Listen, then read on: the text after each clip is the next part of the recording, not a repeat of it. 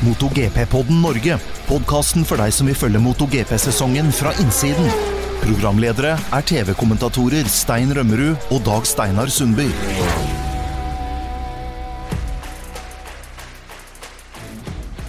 Velkommen til nok en episode av MotoGP-podden Norge. Det har vært lenge siden forrige episode nå, og i dag er det kun to av oss. Det er uh, det gjeldste. Dag Steinar Sundby og undertegnede Stein Rømmerud. Hei, Dag Steinar. Hei, du. Det ryktes at du driver og pakker trailer om dagen igjen. Den er ferdig pakket og kjørt, så den eh, dro på søndag. Så nå skal vi kjøre på Catalunya nå fredag, lørdag, søndag som kommer. Og så kjører vi rett videre til Portimao, så skal vi kjøre tre dager der. Så jeg tror det blir ganske bra. Det er uh, imponerende, det tempoet du har om dagen med farting både hit og dit. altså. Det må jeg si. Hvor mange nordmenn blir med på denne reisen? Nei, nå har vi full trailer, så det er uh, 26 sykler på, på traileren. da. Og de aller fleste skal være på begge baner, så det blir veldig bra. Så bra. Så jeg ser fram imot det. Gleder oss til å høre hvordan, uh, hvordan det er gått. Du får Ja, noen runder sjøl òg, eller? Ja, det blir litt eh, sånn. Jeg har ikke kjørt på Portimao-banen før. Vi har ikke hatt trackdays der tidligere, så eh, det blir veldig spennende. Og Mm. Catalonia er jo helt suveren å kjøre på, så det blir moro det å få lagt noen runder. Hvis det er noen av MotoGP-podens lyttere nå som tenker at 2024, da skal jeg, det er året jeg skal gjøre mye kult, og jeg har lyst til å være med på eh, en banekjøring i utlandet, hva, hva må til for å være med på et sånt opplegg som det du har nå, sånn nivåmessig? Hvor, hvor god og hvor erfaren bør man være? Nei, det er vi. for alle nivåer. Greit å kjøre til sykler, men vi har også hatt med folk som ikke har kjørt på bane før, som begynner på bane sammen med oss. Det er jo etter eh, Ja, man blir inndelt etter forskjellige nivåer og erfaring og hastighet og sånne ting. Og alle kjører i en gruppe som det er tempomessig er likt. Da. Og så gjør vi sånn som vi har vår egen på Cartagena, så kjører vi alltid første dagen med instruksjon, så folk eh, og deltakere får lært litt sporvalg og sånne ting. Så, men vi har med alle nivåer. Det, det har vi fra de som eh, ikke har kjørt omtrent, eller til de erfarne som har kjørt litt racing og sånne ting òg. Og eh, det vi gjør i utlandet, da trenger man heller ikke lisens. Man trenger ikke det. Og kan også kjøre med gatesykkel og banesykkel. Det er liksom åpent for alt. Det kjøres sammen på en annen måte enn det som er eh, regelverket er i Norge. Da. Så det gjør det Og- mer tilgjengelig. Og mer info om denne herligheten, det finner man på Det er eh, sundby-racing.com. Der eh, ligger, det, ligger det ute. det, det er jo, Vi er jo helt fritatt for alle sånne tekstreklameregler, i og med at dette er en helt ubetalt eh, og hobbybasert podkast, så det er veldig Mm. bra. Men jeg kan jo trygt anbefale å være med på det opplegget der. Jeg var jo med til Italia for noen år siden på Mugello, og det var et vanvittig bra opplegg. Og god stemning, og god mat og god drikke på kvelda, så det var, eh, det var noe for enhver smak. Anbefales. Ja, Men- Det er bra kombo for alle.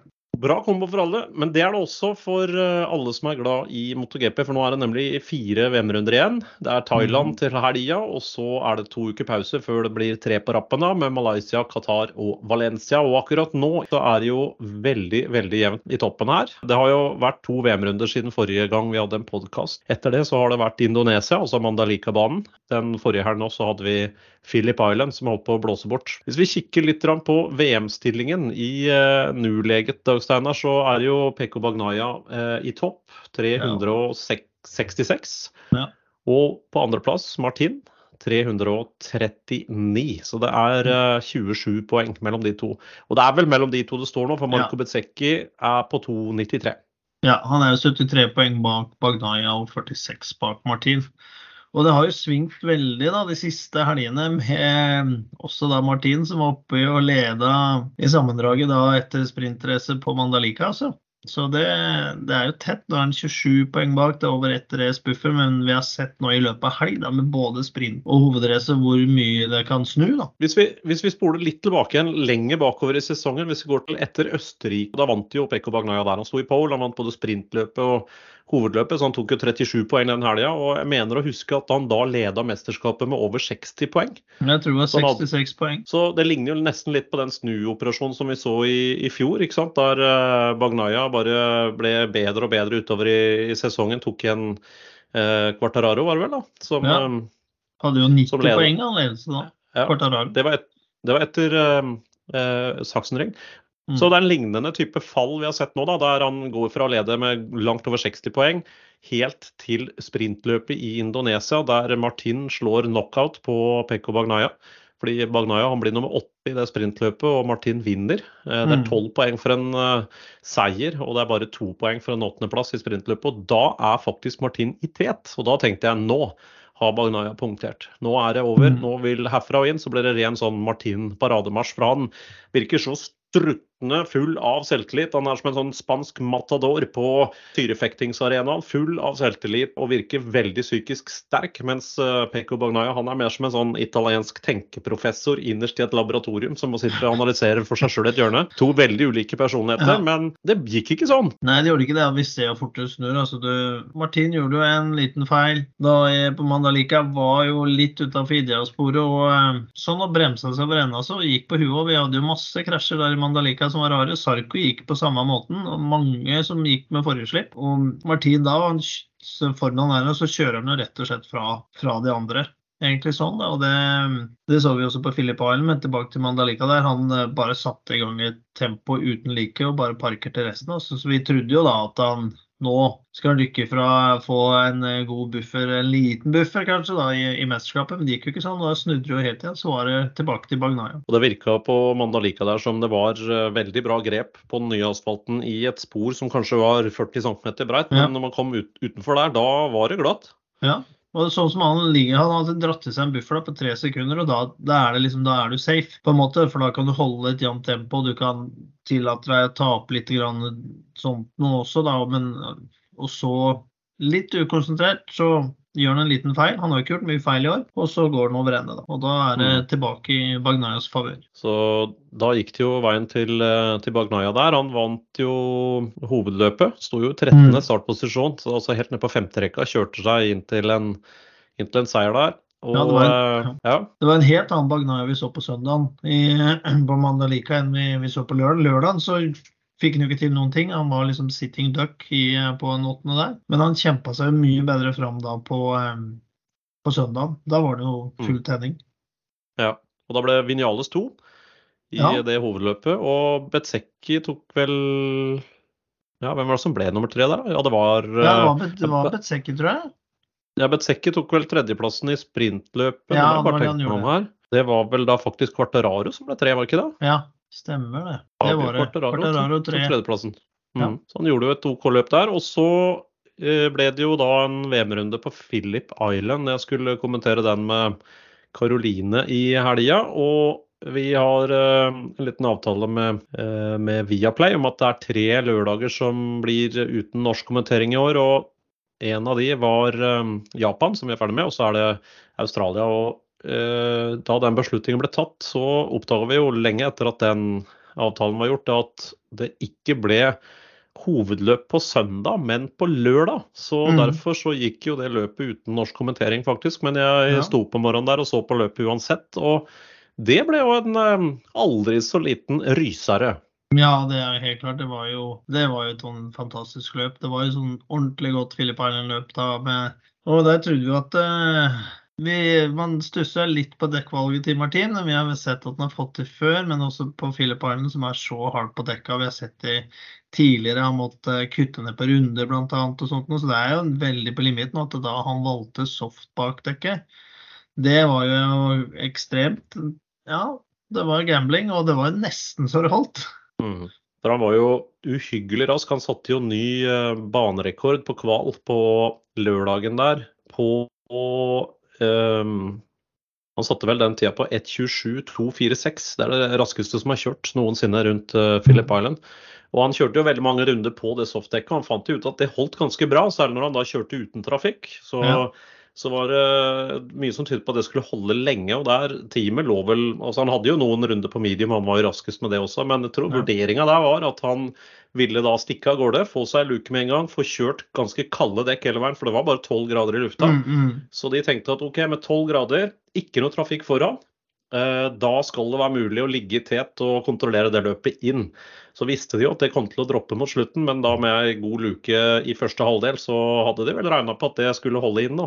Men det Mm. skjedde jo noe der, fordi ah, det, det regnestykket gikk jo ikke helt opp. Han leda jo helt fram til siste runde, og så ble han passert. Men og vi så jo den største luka han hadde, var vel på rundt fire sekunder. Men Mm. han tok voldsomt. Tok han i Ja. for mye? Brukte han opp for mye av det softdekket i første fase?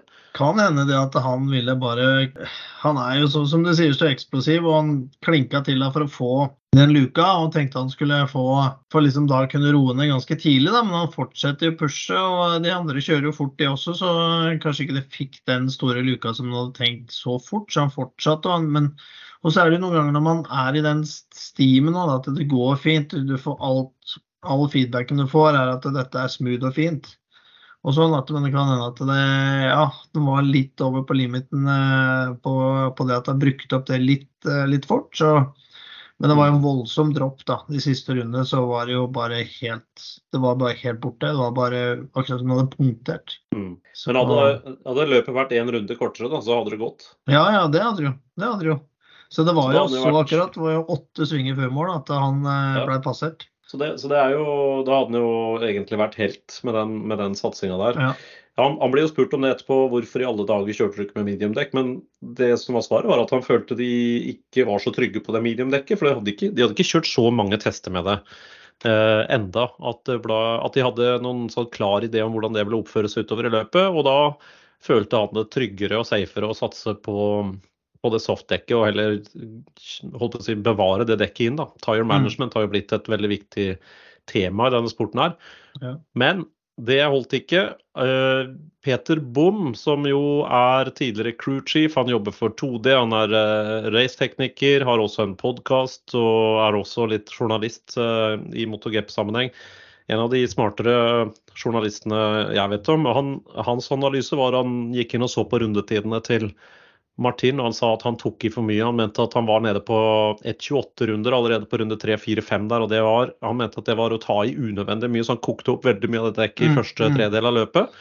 Og da ble det fryktelig vanskelig å bevare det helt ut. og eh, så han mener at det var ikke nødvendigvis feil valg av dekk. fordi hadde Martin kjørt eh, litt roligere og vært litt flinkere til å bevare dekk i den første fasen der, så ville det holdt inn, og da hadde det vært et helt riktig valg. Så Mm, mm. han, så han kjøpte ikke helt den teorien om at det var feil dekkvalg. Han sa det var mer feil valg av strategi underveis i løpet. Ja, ja, det vil jeg tro også. Det, men jeg tror også at han var så på hugget. Altså, og det er jo eh, Han er litt sånn at han skal kjøre dritten av de andre, liksom. Og det gjør han jo også, som regel. Han er jo utrolig rask nå. Ja. Så eh, det er fascinerende å se. Men eh, han ville nok litt for mye. Ja, Tror jeg. det tror jeg du har helt rett i. Tok i noe vanvittig. Ja. Men det var høyt tempo, og han ble jo passert. Og så fikk vi jo da en veldig gledelig seier, og jeg må jo si at Ja. den der har jeg venta litt på. 120 løp måtte til før vi fikk eh, start nummer fem først over målstreken. Ja, det var helt fantastisk. Det var virkelig Virkelig gøy å se at han endelig fikk den velfortjente seieren sin også. Så fikk vi en backflip igjen, da, som jeg venta på. Så det er altså Johan Sarko vi snakker om, og det vet jo Ja. alle dere som følger serien i jevnt og trutt. Og han var jo dobbelt verdensmester i i Moto2 i 2015 og 2016. Han feira jo alle seierne sine med backflip, men han har ikke stått øverst på pallen siden Valencia Grand Prix i 2016 i Moto2-klassen. 120 løp senere så tar han endelig en eh, seier, og da blir han den fjerde franske vinneren i den råeste klassen. I moderne tid så har det bare vært Regis Laconi og Fabio Quartararo, og nå også han, som eh, har klart det. Så det var jo utrolig hyggelig, og en så velfortjent eh, seier til en kjempesympatisk fyr. Så det syns jeg var veldig, veldig, veldig gøy. Ja, det var skikkelig gøy. Men det var jo også andre som var oppe og eh, viste seg fram eh, på pallen. Philip Island. Det var eh, Gian Antonio. Det, det var også Ja, han hadde jo bra resultat tidligere her, men eh, at han skulle komme så sterkt eh, nå og være der oppe og være så sterk, det var imponerende. Ja, fordi den formkurven til Fabio Di Gian Antonio kjører altså Skresini Ducati. Har nettopp fått vite at han er eh, ute av teamet til neste år, for den motorsykkelen den skal han levere fra seg. Inn kommer Marc Marquez. Og hva skjer da? Jo, når han har fått den beskjeden, først så klinker han til med en femteplass. Det er for tre VM-runder siden. Det er det beste Mm. han har kjørt. Så klinker han til med en fjerdeplass i Indonesia, og jammen meg er han på pallen med en tredjeplass her på Philip Island. Så Ja, ja. 5-4-3, første pallplassen. og det er jo litt sånn Ja, hvorfor i alle dager har han ikke gjort dette her før? Ja, men det har også vært litt sånn, han har jo da siden eh, det var Misane eller hvor han han, Det var jo noen runder han ikke fikk kjørt. Han kjørte ikke i Holland, for han har jo vært skada. Så eh, også da, som har satt en demper sånn midt i sesongen, men det er som du sier, hvorfor, hvorfor eh, klikka han ikke til før? Ja. Så, Nei, det er fantastisk eh, bra. For han har jo Så- ikke noe kontrakt per i dag Nei. noe sted. Så eh, Det han, ja, det kan jo Det er jo veldig åpent hva som skjer nå rundt Honda og det her i, i, eh, i silly season og hvilke førere som er aktuelle og sånne ting. Ja. Det er jo nye navn på, på blokka hele tida. Så det vet vi jo ikke ennå, hva som skjer, hvor Fabio di Gian Antonio havner, og hvem som overtar plassen til Marc Marquez i Repsol. Det er mange rykter som går akkurat nå, så det vet vi veldig veldig lite om. Det vi er helt sikre på, er jo da at det blir to Marquez-brødre i Resini-teamet. Alex mm. fortsetter, og Mark kommer inn. Begge to får da en GP23. Det betyr den motorsykkelen som leder VM nå, da, Pekko Bagnaia og Jorge Martin, de kjører jo på GP23-versjonen til Ducati, og det er den Marquez-brødrene skal kjøre med til neste år. Og i factory-teamet til Ducati så fortsetter jo um, Pecco Bagnaia og Enea Bastianini, og det samme ja, og i, i Pramac så vil jo også Martin fortsette, da, men han vil jo få uh, Yamaha Morbidelli inn som sin teamkollega til neste år. Men eh, hos Honda så er det jo i øyeblikket litt sånn Ja, det er vanskelige tider, da. De eh, har jo en situasjon nå der eh, Mark Marquez eh, drar fra det mest prestisjefylte roadracing-teamet gjennom tidene. Det er vel lov å si det. Repsol Honda er jo et eh, ekstremt kjent eh, team med fantastiske resultater opp gjennom årene. Så det har vært litt måltørke nå den siste tiden, og han forlater den skuta. Den som fortsetter der, er jo verdensmesteren fra 2020, John Mear, som er eh, ordentlig nede i en bølgedal nå, Ja. Steinar. Ja, det, han har jo, har jo krasja hver eneste VM-runde i år. Det, og eh, Nei, det er eh, Det er ikke noe ålreit å ligge på 22. i mesterskapet. Han har jo Han har jo tatt 20 poeng. 20 poeng. 20 poeng. Han hadde en, eh, hadde en bedre helg i Indonesia. Det, det, det hadde han jo. Så om han ble seks eller sju da. Men ellers har det bare vært sorgen. Fem, ja. Fem ble. Så eh, ellers har det bare vært sorgen hele året. Og da han går jo over ende i, eh, i hvert løp. Hver gang han prøver å pushe litt og ha litt tempo, så blir det, blir det nullpoengere. Mm. Så, det er helt, eh, helt ja, det er. Hvor utrolig, ja. Altså, han er jo en veldig bra fører. Han eh, ble Mm. verdensmester både i Moto 3 og, og, og hadde jo fantastiske resultater også. Han ble vel mester i Moto 2 også. Så, Mm. uh, men når han kom til Moto GP da, gjorde jo en solid jobb hos Suzuki. Ble verdensmester i 20. Og Ja. etter det, så når han kom da til Honda, så har det jo vært bråstopp. Hva, hva, hvor lenge gidder han det der? Han, eh, det vi vet, at han gidder i hvert fall så lenge han har kontrakta si der. Han har jo Mm. ikke, har jo ikke den samme muligheten eh, og alternativet sånn som Mark Marquez har hatt, så han eh, må bare bite i det. Litt som Rossi gjorde med Ducati da han var der. At du bare Ja, sånn er det nå, så, så får vi se, da. De fleste går, kontraktene går ut etter neste sesong. Og da blir det nok en veldig shuffle rundt omkring. Altså, så det er eh, Skal Honda og Yama være med videre, så må de ha fått eh, forbedra syklene sine vesentlig i løpet av neste sesong. Ellers så Mm. er det litt skummelt. Selv om de sier de er forplikta til å være med videre, det gjorde jo Suzuki òg, så jeg er litt sånn redd for hvor lenge vil de ta den. da. Vi veit jo stoltheten også til de japanske fabrikkene, da. Så eh, ja, det er litt sånn bekymringsverdig. Ja, det er det. Jeg må rette meg sjøl. Jeg så jo at Mir ble verdensmester i Moto 2. Det ble han jo ikke, men han eh, ble verdensmester i, i Moto 3. Det var i 2017-sesongen. Mm. Og så var han jo Ja, han tok jo Han Hadde jo én sesong egentlig i, i Moto 2.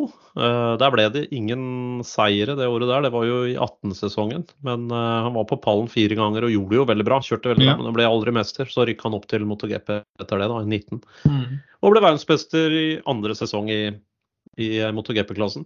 Ja. Så nei, vi får se. Det, Mir er i, et, eh, i en vanskelig situasjon. Og så er det jo Honda, da. Hva gjør de nå med den andre sykkelen i, i Repsol Honda-teamet? Det blir jo nevnt flere førere her. En fører som har blitt nevnt, er jo Sarko. Om han Mm. da flyttes opp fra LCR Honda, som han skal begynne å kjøre for neste år. Der har Ja. jo. Sjefen for LCR Honda, Lucio Ciccinello, han sier absolutt ikke. Um, Så er spørsmålet er det et forhandlingsutspill for å prøve å melke mest mulig euros ut av, uh, av Honda. Ja. Det, det, det er nok sikkert litt eh, flere ting der sånn, og kanskje helt klart det er en av dem. Men også eh, Sarkos tilbud hos Repsol var et ettårskontrakt. Hos selv så er det sånn to år. Så han eh, tenker vel det at eh, han begynner å bli voksen mann og har ikke vunnet noe løp nå før i helga. Eh, han Det er jo forskjell selvfølgelig på Repsol eh, Factory og eh, satellitteamet, men jeg tror også han tenker litt på ja, siste del av karrieren i, i MotoGP. Da, at da har han en toårskontrakt Mm. og har eh, greit eh, betalt. Han begynner å bli voksen. Ja, Fyller, fyller 34 i juli til neste år. ja. Så, eh, så han er jo den enden av, Mm. av karrieren, og vi ser jo hvor unge de er, de som, som kommer inn og sånn også. Da. Så, eh, og, eh, og litt sånn, hvis de skulle få som han sikkert tenker, får de hånda bedre og det begynner å funke, så er det stor sannsynlighet for at Marquez kommer tilbake igjen. Så eh, de har jo ikke, Marquez har jo ikke brent bruene med Honda. Og det har Honda også vært opptatt av. De sier at han De lager jo ikke noe trøbbel for han nå, selv om han, ja. avbry, altså han, han bryter kontrakten ett år før Ja, tida. Men ja. uh, det sier at det, det får så være. De forstår det at en fører av det kaliberet der ikke har mer tålmodighet nå. og Da får de heller se om det er muligheter seinere. Mm. Så det, det ble fryktelig spennende å se. Det er jo et par andre navn som er nevnt her. da. Det er Lekona, som kjører for eh, HRC i World Superbike. Og så er det Mm. selvfølgelig Fabio Di Gian Antonio, som nå blir ledig på markedet. Som jo har et par sesonger eh, under beltet han også i MotoGP-klassen. Men ellers så er det jo det kryr jo ikke av rutinerte MotoGP-førere på markedet akkurat nå. Oliveira har jo også vært nevnt. Ja. Så, eh, men Hva, eh, hva, tenker du om det, ja? Oliveira fra RNF eh, Aprilia. han, han har jo fått erfaringen, og han kom jo også ifra Da har han vært både hos KTM og hos Aprilia og fått med info og sånn der, som han kan Han som er erfaren og tror jeg er veldig analytisk fører, som smart, intelligent fører, som kan ta med seg mye av det videre, sånn som Jack Miller har gjort til KTM i året fra Ducati. Så jeg tror det er liksom styrken hans, men jeg syns kanskje Olivera fada litt nå. Eh, Eller om det er Eller vi veit ikke grunnen til det. Vi har ikke hørt noe i hvert fall om det er skader eller andre ting som eh, som eh, spiller inn der. Nei, han vant jo et løp i Thailand i fjor. Det er vel det siste, siste seieren i MotoGP. Han har fem seire i MotoGP-klassen. Ja, Han har vunnet løp i både Moto3 og Moto2 også. Eh, han har eh, seks seire i Moto3, seks i Moto2 og fem nå da i MotoGP-klassen. ja, han har ikke vært på pallen ennå i år. Det beste er vel en eh, fjerde, vel. Ja. Ja. Så den, Spørsmålet er egentlig hvor konkurransekraftig den RNF Aprilian han kjører Ja. på nå i år er. da. Det er, jeg tror, er nok ikke en sånn superenkel Nei. sykkel å, å kjøre. Nei, vi ser Raúl Fern- Fernandez, selv om han har mindre erfaring, så er han nede på en 20. i, Mm. i sammendraget. da, Og um, har jo ikke vært uh, i nærheten av toppen, egentlig. Det beste for Oliveira i år er fjerdeplassen fra Silverstone. Og så Mm. havner jo femte i USA og Catalonia. Og en eh, sjette på Misano. Så, så- men han har jo vært relativt jevn. Han har tatt mye poeng sånn på, på jevnhet i år. da. Han har nå 76 poeng. 14.-plass i mesterskapet. Så Mm. det er, eh, der er det store spørsmålstegn. Så det er vi veldig nysgjerrige på, egentlig. Hvordan Honda har tenkt å legge den Mm. kabalen der for, eh, for neste år. Så det kommer vi tilbake til. Nå er det jo ny VM-runde til helga. Det er eh, Thailand Grand Prix. Kommenteres eh, kun lørdag. Det blir eh, første Kun solo... søndag? Ja, unnskyld, kun søndag, ja. Ja. Første soloflyvning for Karoline Olsen og Thomas Sigvardsen. Mm.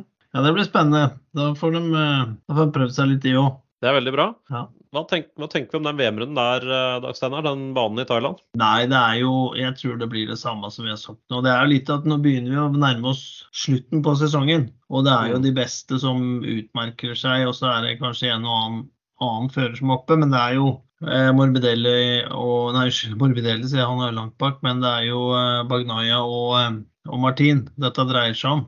Så Betzecchi har også vært der, men han er jo hemma nå med den kravbeinskaden, da.